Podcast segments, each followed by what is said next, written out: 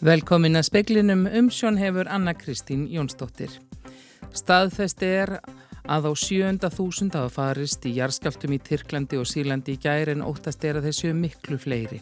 Íslenskt björgunalið flýgur til Tyrklands í kvöld. Ríkisáttasemjari segir eblingu bera lagalega skildu til að afhenda félagatalsitt. Hann sendi aðfarbeðinu til síslumanns í morgun til þess að fá félagatalið. Fjármálaráð þeirra sakhaði pírat á alþingi dag með beita grímulösu málþófi í umræðum um útlendingafröðumarpið. Örfáður þingmenn hafi tekið þingið í gíslingu.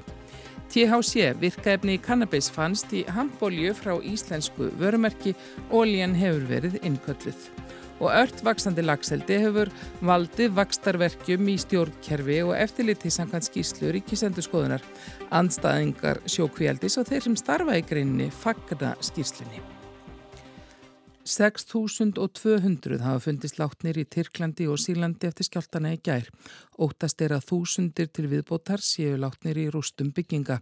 Íslenskt björgunalið reynir að fljúa til Tyrklands í kvöld. Björgunarsveitir vinna í kappi við tíman í sífælt veikari vonum að fleiri finnist á lífi. Sveitir frá um 70 löndum hafa streymt til Tyrklands og Sýrlands og þeirra býður ærið verkefni. Aðstæður eru erfiðar og hiti um og yfir frostmark á kvöldin og nótunni. Samkvæmt bráðabæðamati alþjóða heilbriðismálastofnunarinnar hafa skjálteitnir áhrif á um 23 miljónir manna í löndunum tveimur. Alþjóðastofnun Björgunar, IRC, segir að sannkvöldu mannúðar krísa ríki. Íslenskar björgunarsveitir fljúa að öllu óbreyttu til Tyrklands í kvöld. Upphaflega átt að fljúa með TF-SIF, flugvel landhelgiskeslunar, en vegna veður svar ákveðið að fljúa heldur með Boeing 737 MAX farþegarflugvel Æslandir. Utanreikisráðundið hefur milliköngu um flugið. Samkvæmt upplýsingum fréttastofu var staðan metinn svo að ef ekki tækist að fljúa með björgunarsveiti í kvöld er þið orðið of sent að koma henni á hamfærasvæði til að hún kæmi að gagni. Óttast er að um 20.000 hafi farist í jarðskjöldanum og því talið að enn síu þúsundir föstnundir rústum bygginga. Af þeim 6.200 sem hafa nú þegar fundist látnir fundust fleiri í Tyrklandi en Sýrlandi. Aðstæður til björgunar eru þó mun erfiðari í Sýrlandi þar sem blóðugt borgarastyrýð hefur geisað í rúman áratug. Jafnvel áður en skjáltarnir reyðu yfir, gekk erfiðlega að koma hjálpargögnum til stríðshrjáðra svæða í landinu. Ottur Þórðarsson sagði frá. Ríkisáttasemjari hefur bóðað samninga nefnd eblingar á fund á morgun þar sem kynnt verður fyrirkomulag atkvaðagreðslu miðlunar tillugu sáttasemjara. Síslimaður fekk senda aðfarbeðni í morgun til þess að sækja félagatal eblingar. Samninganemnd eblingar mætti ekki á fund ríkisátta semjara í dag þar sem hún segist ekki hafa fengið formlegt fundarboð. Verkvall 300 starfsmanna Íslands hótela hófst í morgun og klukkan 6 í kvöld lauk atkvaða greiðslu um bóðun verkvalls nokkur hundruð vörubílstjóra og hótelstarfsmanna. Niðurstaða hennar likur fyrir síðar í kvöld.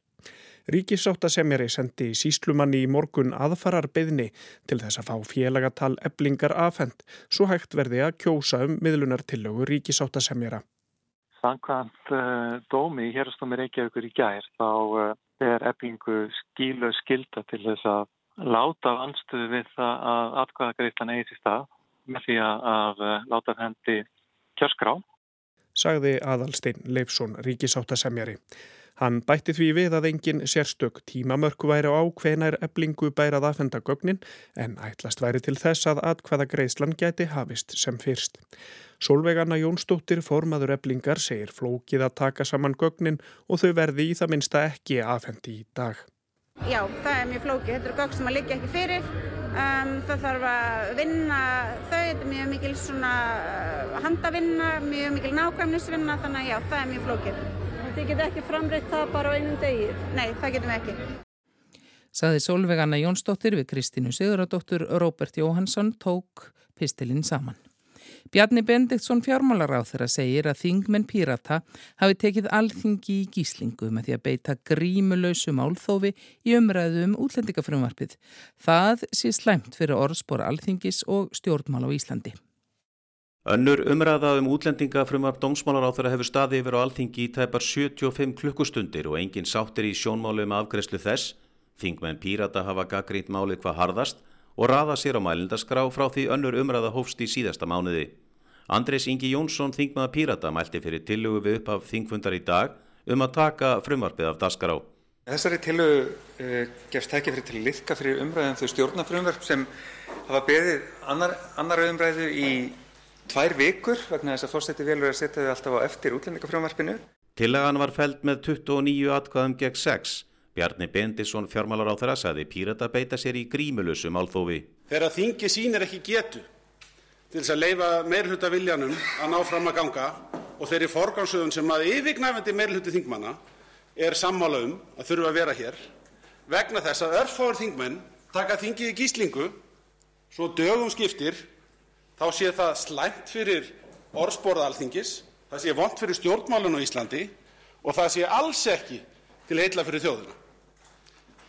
Ég segi bara hættið í málþófinu og höldum áfram að vinna vinnun okkar. Saði Bjarni Bendiktsson, höskuldur Kári Skram tók saman. Hérastómur Reykjavíkur dæmdi síðdeis hjónum í vil í máli þeirra gegn landsbankanum um lögumætti skilmála um breytilega vexti á lánum. Hjónin nutu fulltingis neytendasamtakana við rekstur málsins. Breki Karlsson, formaði samtakana, telur að dómurinn gæti haft fordæmiskildi fyrir þúsundir lána hjá íslenskum böngum. Í öðru máli gegn Arjón banka sem snýrist líka um breytilega vexti var dæmt bankanum í vil. Um hvað var tekist á í þessu máli, í stöttumáli? Já, í mjög stöttumáli þá telja eh, neytendarsamtökin að flest öll lán með breytilegum vöxtum uh, séu með skilmálum sem ekki samrýmist íslenskum lögum eða Európu tilskipunum. Hvað teljiði að uh, þessir lánaskilmálar séu í mörgum útistandandi lánum? Er ekki rétt skilið að þetta eru bara lán sem eru tekin fyrir 2017? Í, í þessum málum sem tekist á, var tekist á við í dag er, er uh, jú, mál sem voru, lán sem voru tekin fyrir 2017. Allt í allt eru þetta um 70.000 lán uh, hér á landi að okkar mati. Hvað telur það séu kannski háar uppæðir sem hér teltum? Það, þetta, þetta eru verulegar uppæðir uh, og ég myndi gíska á svona í, í án þess að, að, að þurfa að geta hætti minn eftir á en þetta varðar 20 miljardar króna sem við teljum að bankarnir hafa átekið af uh, viðskiptauninu sínum. Saði Breki Karlsson við Benedikt Sigursson. Hampolja frá fyrirtækinu Muna hefur verið innkölluð vegna þess að í ólíinu er virka kannabisefni THC. Forsvarsmaður heilbriðis eftirlits Reykjavíkuborgar segir óvíst hvernig það gætt gerst. Fyrirtækið Æs Pharma ákvaði samstarfi við heilbriðis eftirlit Reykjavíkur að innkalla hampolíu frá vörumerkinu Muna. Ástæðan er svo að virka kannabisefnið THC mæltist í vörunni.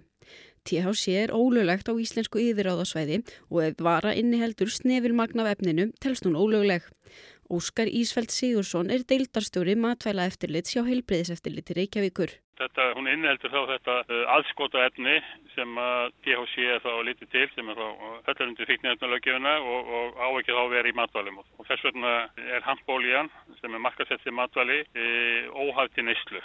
Óljan er framleitt á Ítaljum þar sem reglugerðum THC er ólík þeirri sem hér er í gildi. Þar mega vörur til dæmis innihalda 5 mg af THC á kíló. Þessi framleyslu skamtur innihjalt þó rúmlega tvöfalt það, eða 10,8 mg á kílóið. Ekki er vitað hvernig þetta atvikaðist en Óskar segir þetta efni yfirlegt hreinsað úr framleyslunni eða notaður hampur sem ekki inniheldur THC. En eru einhverja líkur á því að þeir sem neittu óljunar hafi fundið fyrir einhverjum áhrifum THC? Það fór ég ekkert að segja neitt um. Neytendur eru beðnir að skoða síðasta neysludag ólíunar og ef hún rann út 30. janúar þessa árs á að farga henni eða skila í verslunina þar sem hún var keift. Amanda Guðrún Bjarnadóttir tók saman og rætti við Óskar Ísfeld Sigursson. Verkefnastjórnum mögulega saminningu Vesturbyggðar og Tálknafjörðarreps leggur til að hafnar verði formlegar viðræður um saminningu sveitafélagana. Sveitarstjórnu tveir telja líklegar en ekki að hún verði samþygt. Í sumar samþyktu sveitastjórnir Vestubyðar og Tálknafjörðar hreps að hefja óformlegt samtal um saminningu. Áður hafði verið unnin greining af valkostum saminningar. Síðustu vikur hefur fæst aukinn kraftur í þetta samtal og nú hefur sameileg verkefnistjórn ákveðið að leggja til við sveitastjórninda tvær að hefja formlegar saminningar viðræður. Þetta verður tekið fyrir í sveitastjórnum í næstu viku báðum og mér þykir mjög líklegt með svona samsetningunni verkefnastjórnunni og svona hljóðið fólki að svo til að verði samþygt af báðum sveitafélagum. segir Þórti Sif Sigurðardóttir bæjastjóri Vestubyggð. Formlega viðræðu þýði raun að fariverði í íbúakostningu þar sem niðurstöður eru bindandi.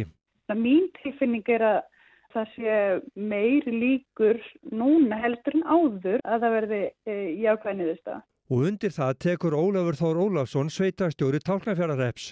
Og mér heyrist að viljin standi frekar í þessa átt heldur en að samina ekki.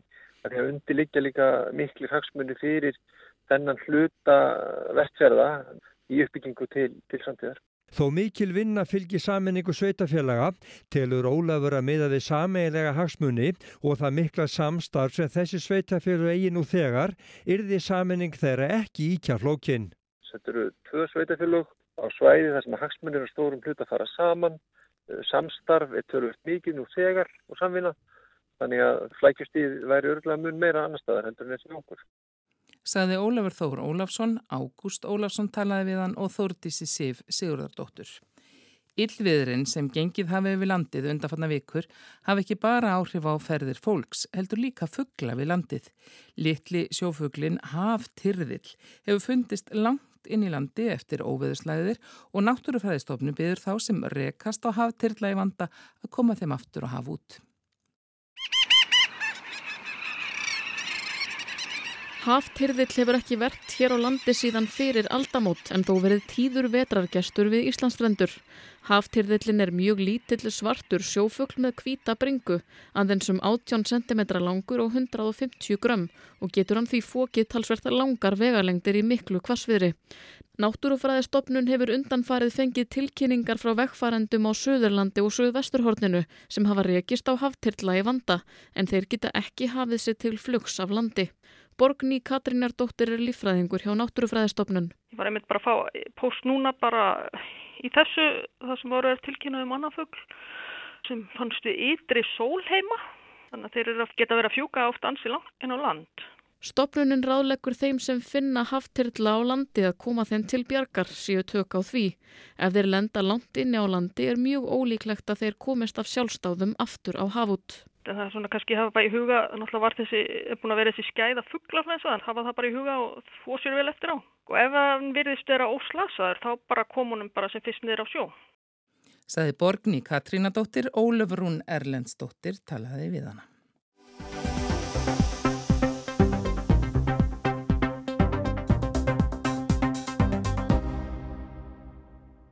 Hérastómur hefur úrskurðað að eblingu bera aðfenda ríkisáttasemjara félagatalsitt svo hægt sé að greiða atkvæði um miðlunatillöguna sem hann kynnti fyrir mánamót. Ebling ætlar ekki aðfenda félagatalið fyrir niðurstað herra dómstíðilikur fyrir. Þá hefur félagi krafist þess að aðalstætt Leifsson viki sem ríkisáttasemjari og staðgengill skipaður í hans stað í deilu eblingar við SA. Eins og framkom fyrir speklinum þá hefur ríkisáttasemjari nú leita til síslumann sem aðfarabeðni vegna félagatalsins. Kristján Þórður Snæbjörnarsson, forseti Altíðusambands Íslands, er í símanum. Kristján Þórður, tekur þú undir kröfu eblingar um að aðalstætt Leifsson skuli víkja? Já, hann er auðvitað orðin snúin í Hér kvarf okkur Kristján Þóruður Snæpennarsson eins og hann hefði horfið í, úr símanum Þú að reyna aftur eftir augna blik Ekkert heyrist í Kristjáni Þóruði en við hann ætlum við að tala Já, Kristján Þóruður, hann er komin aftur Já. í síman fyr, fyrirgefið, en hérna við vorum að tala um stöður ríkisáttsæmina. Hvernig lítur þú á hana? Finnst þér hann að víkja í þessu máli? Já, það er alveg að ljósta að það er mikil deila á milli félagsins og sáttasemira sem að sáttasemiri hefur búið til við þessar aðstæður. Sjöku þess að hann stýgur í raun og raun fram að með mjög ótímaberum hætti með miðlunum til þau og ég get alveg skilið afstöðu félagsins að, að þau telji að þurfi að finna uh, annan aðla til að leiða það deilu með þær uh, deilur sem uppi eru á milli aðila bæði vegna samskiptar félagsins við uh, ennbætti ríkisátsemina.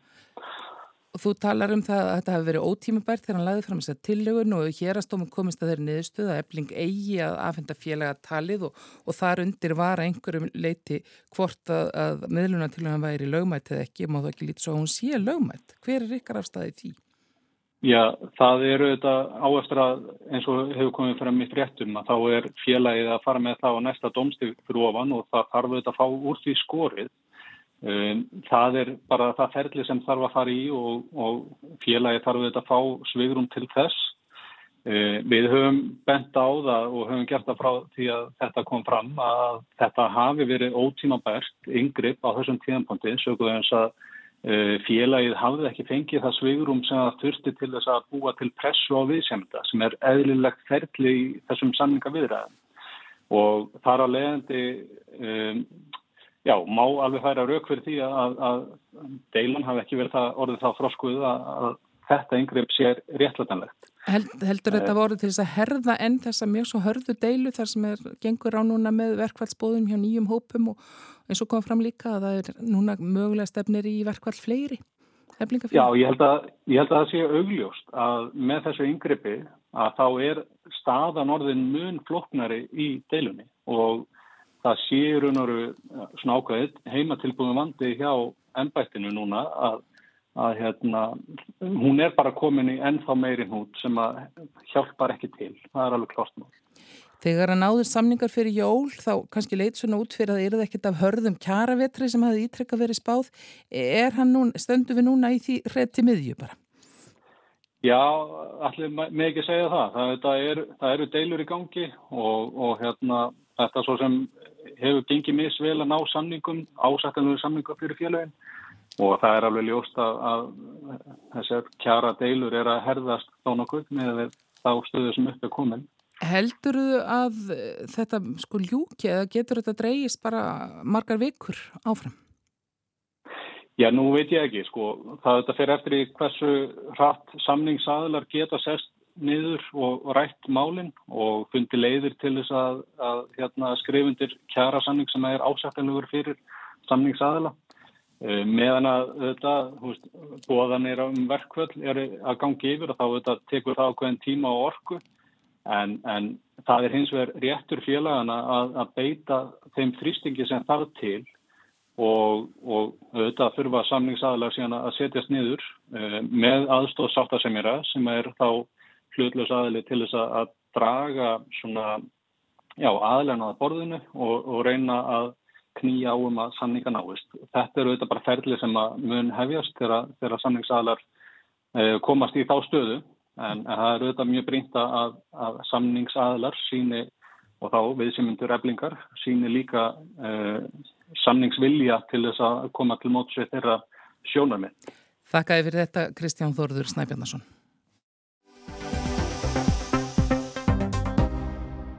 Sergei Sjóigu, varnarmálar á þeirra Rúslands, segir að þungavopnasendingar vestrætna ríkja til Úkrænu dragi allansafsbandalægið NATO inn í átökin í Úkrænu með beinum hætti. Þetta geti leitt til þess að þau harni enn frekar með ófyrir sjáanlegum afleðingum. Að sagn Interfax fréttastofunar rúsnansku létt Sjóigu þessi orð falla á fundi með hátsettum yfirmannum í hernum í dag. Соединенные Штаты Америки, союзники пытаются максимально затянуть конфликт. Для этого они приступили Ráþæran sagði að bandaríkjaman og samherjar þeirra væru að reyna að draga átökin í Úkrænu og langin eins og þeir gætu. Þeir senda Úkrænumennum árásar vopn og ekja þótt með beinum hætti til þess að þeir leggja undir sig landsfæðin okkar, sagði Ráþæran. Með landsvæðunum okkar á hann við fjögur héruð í söður hluta Úkrænu, Donetsk, eh, Luhansk, Zaporizhia og Kherson sem ráðamenn í Kreml lístu yfir í september að þau hefðu innlimað í rúsneska ríkið að undan gengnum atkvaðagreðslum íbúana. Stjórnvöldi kænugarði og á Vesturlöndum hafa fordæmt aðgerðirnar. Rússar hafa ítrekkað sakað Vesturveldin og NATO um að vera orðin beinir þáttakendur í átökunum með því að sjá Úkrænu hér fyrir æg hátæknilegri vopnum sem gefið þeim heimild til að eðilegja þau með öllum tiltækum ráðum. Sergei Sjóigú sagði á fundinum í dag að herin hefði náð árangri á því sviði. Группировки российских войск продолжают перемалывать все подставляемые Киеву вооружения и технику, как на маршрутах его доставки, так и на боевых позициях. Hópar rúsnenskra hermanna halda áfram að eiðilegja vopnabúnaðinn sem vestræn ríki hafa sendt til kænugars, hvort heldur sem er í flutningi eða á vývellinum, saði Sjóigú. Bandaríkjaman hafa veitt Úkrænumannum hernaðar aðstóð fyrir meira en 20 miljardar dollara frá því að innrás rúsa hófst í februari fyrra. Tilstendur að þeir fái sendar langdrægar eldflögar á næstunni. Stjórnvaldi kennugarði segja að ukrænska herin vanti tilfinnanlega nútímaleg árásarvopn þar á meðal skriðdreka til að geta haldið aftur af sókn rúsnæska innrásarliðsins. Antónia Guterres, aðal framkvæmda stjóri saminuðu þjóðana, gerði stigumögnun átakana að umtalsefni í gær þegar hann kynnti verkefnin framundan á allserðinginu í New York. Hann hvaðst hafa þungar áhyggjur af ástandinu í Ukrænu og þeim þjáningum sem þjóðin þurfti að ganga í gegnum, en því miður virtust átökin vera að harna. I fear the world is not sleepwalking into a wider war. I fear it's doing so with its eyes wide open. Ég óttast að heimurinn sé ekki að ganga í svefni í áttin að harðara stríði. Ég óttast að hann gerir það með augun galopin, saði Guterres. Hann bætti við að heimurinn þarnaðist fríðar eins og hann er skilgrendur samkvæmt stoppskrá saminuðu þjóðana og alþjóðasáttmálum. Allir yrðu að leggja harðar að sér til að koma á fríði. The world needs peace and peace in line with United Nations Charter and international law. We must work harder for peace everywhere. Því miður er ekkert útlitt fyrir að Antonio Guterres verði að ósksinni í náinni framtíð. Stjórnvöldi kennugarði búast við að yfirvofandi séu stór árásir á skotmörk hvarvetna í Ukrænum þegar árvarður frá því að innrás rúsa hófst. Volodymyr Selenski fórseti sagði í byrjun vikunar að rússar hefðu að undanförni fjölgaði herliðu sínu í landinu. Þrýstingur var að aukast á vikstöðunum einna helst í Donarsk héradi þá sagtu rússar harðar fram en áður í upplýsingastriðinu. Sergei Sjóku, varnarmálar að þeirra greindi frá því að fundinum með yfirmönnum í hernum í dag að rúsneski herin hefði náð árangriðað undanförnu í sóksinni að bæjunum Bakmút og uh, Vugeldar í Donarsk. Þá nefnda hann einnig sjö staði til viðbótar sem herin hefði frelsað að undanförnu eins og hann orðaði það. Nánast allir íbúar, þorpa og bæja á þessum slóðum eru flúnir á brott. Brotalamir eru í stjórnsíslu og laga umhverfi sjókvíja eldis á Íslandi. Atvinnugreinin hefur vaksið mjög hratt seinustu ár, ekki síst á vestfjörðum og östfjörðum.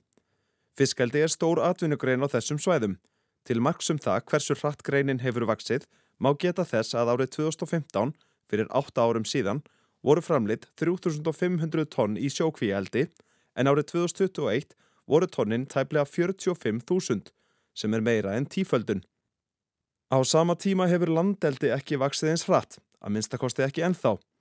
Útflutningsverðmæti hafa aukist á sama tíma en skýsla ríkisendur skoðunar vekur aðtekli á að gangverk stjórnsíslu og eftirlits sé ekki nægilega vel smurt og gangi þar á leiðandi ekki í takt við öran vöxt greinarinnar. Skísla ríkisendurskoðunar er laung og ítaleg, telur tæpar 150 síður og þar koma fram ábendingar um ímislegt sem bæta má. 23 ábendingum er beint að stjórnsíslunni, stopnunum, eftirliti og öðrum sem hafa með sjókvíaeldi að gera til að bæta umgjöð greinarinnar til hins betra. Til að mynda er bent á að ekkert þeirra leifa sem gefin hafa verið út til starfrækslu sjókvíaeldis hafa fengið umfjöllun eins og gildandi ferli innan stjórnsíslunar gerir ráð fyrir. Ekki hefur verið lokið við gerð skipulags, haf og strandsvæða, engin eldisvæði hafa verið skilgreind af Hafrásónarstofnun og engin slík svæði bóðin út. Ferlinu frá skipulagstíi þar til framlegslan hefst er skipt upp í tíu þrepp og ekkert þeirra leifa sem hafa verið gefin út uppfylla þau að fullu samkvæmt skíslunni. Jáframt segir að breytingum á lögum um fiskeldi sem var ætlað að stuðla að vexti og viðgangi greinarinnar í sátt við bæði samfélag og umhverfi hafi ekki verið fyllt eftir með því að styrkja stjórnsíslu og eftirlit þeirra stopnana sem mæðir mest á. Þær breytingar sem gerðar voru á lögum um fiskeldi árun 2014 og 2019 hafa takmörkuðu leiti náðu markmiðum sínum. Korki hefur skapast aukinn sáttum greinina Nýja hafa eldisvæði eða heimildir til að nýta þann lífmassa sem talið er óhætt að ala á tilteknum hafsvæðum verið útlutað með útbóði af halvu matvælar á þeirra. Við úttækt ríkisendurskoðunar kom raunar í ljós að kvorki hagsmunaðalar við komandi ráðuniti nýja þær stopnanir sem koma að stjórnsýslu sjókvíaldis eru fyllilega sátt við stöðum ála og þann ramma sem stjórnsýslu og skipulagi sjókvíaldis hefur verið markaður. Meðal þess sem ríkisendurskoðun bendir á er að taka verði leifisveitingaferli sjókvíaeldis til endurskoðunar. Ebla þurfu eftirlit matvalastofnunar og matvalarraðunetisins skakvart sjókvíaeldi og að tryggja þurfu samhæfingu og samstarf millir matvalastofnunar og umhverjastofnunar við eftirlitið. Þá er árættið að endurskoða þurfi lög frá 2019 um gjaldtöku vegna fiskeldis í sjó og að matvalarraðunetið þurfi að taka af allan vafa um hvort rekstrarleifi teljast tímabundin eða ótímabundin eign. Jón Kaldal, talsmaður Íslenska náttúruvendarsjóðsins, segir viðbröð sín við skýslunni vera súrsætt. Við höfum verið að gera þessar aðdóðsendir efnislega við fjölmerkastofnunir, matalastofnun, skiplastofnun, umhverfistofnun, Havró, setjum við fram að þingnemdir, eh, sendt beintir ráðunöðisins. Eh, þannig að ánægulegt að sjá þar staðfesta með svona afgerandi hætti í mjög vandari skýslu ríkisendurskoðunar en mikil vombriði að fyrir okkur sem samfélaga að, svona sé staðið að málum og hingað sé komið. Þetta er ekki lausur lofti gripið. Af hverju er staðan svona alvarleg? Þetta er ákveð sinnuleysi og en ekki samt held ég að óyfirluðu ráði. Svandís tekur við ráðunötunum fyrir rúmlega árið síðan og hennar fyrsta verkan ánast að kalla eftir þessar úttækt. Hún tekur við eiginlega bara þrótabúi fyrir ráðara Kristjáns Júliussonar og, og forvera hans í þessum málaflokki og það verður að hrósa Svandísi fyrir að ganga fram með svona ákvæmumætti og, og leiða fram í dagsljósið hversu ömulega illa hefur að þessu staðið. Hvað heldur að verði um framhaldi? Hvað heldur að verði gert við þessu skýslu? Já, hún, hún bara hlýtur. Það kemur ekki annað til grein en að gengi verið það að breyta þessum hlutum. Fyrsta verkefni er bara að reynilega hætta útgáfu nýra leifa. Það þarf líka að afturkalla þessu hugmyndum að, eh, sem var samtitt í efnaðsnefnd í desember um að fresta gjaldtöku, lungu bóðari gjaldtöku á sjókældisfyrirtækin sem hefði fært ríkisjóði 400 miljónur þessu ári. Það þarf afturkalla það því við sáum núna í, í, í skýrslunni að þessi yðnaður stendur ekki undir stjórnstýstunni, eftirlitunu, neða rannsóknum sem kosta í kringum hann. Þá er fjallað um að í áður nefndri lagabreitingu frá árunnu 2008 hafi verið kveðið á um að ráþera skildi ákveða skiptingu fiskaldisvæða með fram ströndum landsins ef vistfræðileg eða hagræn rauk mæltu með því. Ráþera nýtti ekki þessa heimild og rekstraræðlar gáttu því hafið undirbúning fyrir sjókvíaldi hvar sem er fyrir utan skilgrend friðunarsvæði með því að hefja matsferðli. Þessi lagarami bauði raun upp á kapplöpu um eldisvæði sem hefur meðal annars leitt af sér ágreining milli umsækjenda, ósamræmi við aðra nýtingu á viðkomandi svæðum og unnið gegn markvissum um að heildar lýting svæða væri sem hagkvæmust. Þá voru dæmu um að ófullkomnar matstillögur og leifisumsóknir væru sendar inn til meðferðar í stjórnsíslunni með það markmiði að vera á undan næsta rekstraræðala, segir í skíslunni. Egnarhald félaga sem stunda sjókvíaldi er einnig nefnt í skíslunni. Segir þar að þrjú norsk fyrirtæki ráði yfir 14 af 16 útgefnum rekstrarlegum hér á landi. Það eru Movi, Salmar og Mossöval. Jens Garðar Helgason, aðstofa fórstjóri Laxa Fiskaldis og Fiskaldis Östfjörða og stjórnarmæður í SFS, segist fagna útgáfu skíslunar. Hún síni að það sé verka að vinna innan stjórnsíslunar í málefnum sjókvíaldis. Og rauninni endur speiklar hún bara það sem við höfum verið að segja í greininni í langan tíma. Það þarf við að setja meira fjármagn inn í stofnarna sem sinna greininni. Uh, það þurfum við einfalda regluverk og, og, og stitta býðtíma og leifisveitingum og annað. Er eitthvað sem kemur á óvart í þessari skýslu? Já, kannski að mörguleiti það sem kemur á óvart er í rauninni það sem að, uh, maður sér kannski núna þegar þetta er allt sett saman í eitt. Mart sem við höfum verið að benda á í langan tíma er einhvern veginn tekið saman á eitt stað núna og við sjáum bara að að, að, að það er víða, víða sem að þarf að, að breyðast við. Hvaða úrbætur viljið þið að séu gerðar? Ég held að það sé mikilvægt að núna eigi sér sam, uh, farið fram samtal millir greinarinnar og stjórnvalda um það hvernig við getum einfalda regluverk og hvernig við getum í rauninni uh, gert umgjörðina skýrar og betri uh, kringum greinina og sett meira fjármagn inn í þar stóðstofnanir sem er að sinna og þjónusta aðtunugreinina til þess að við getum haldið áfram að grýpa hér tækifærin um allt land og byggja hér upp ennþá meiri verðmættasköpun allt í kringum landið.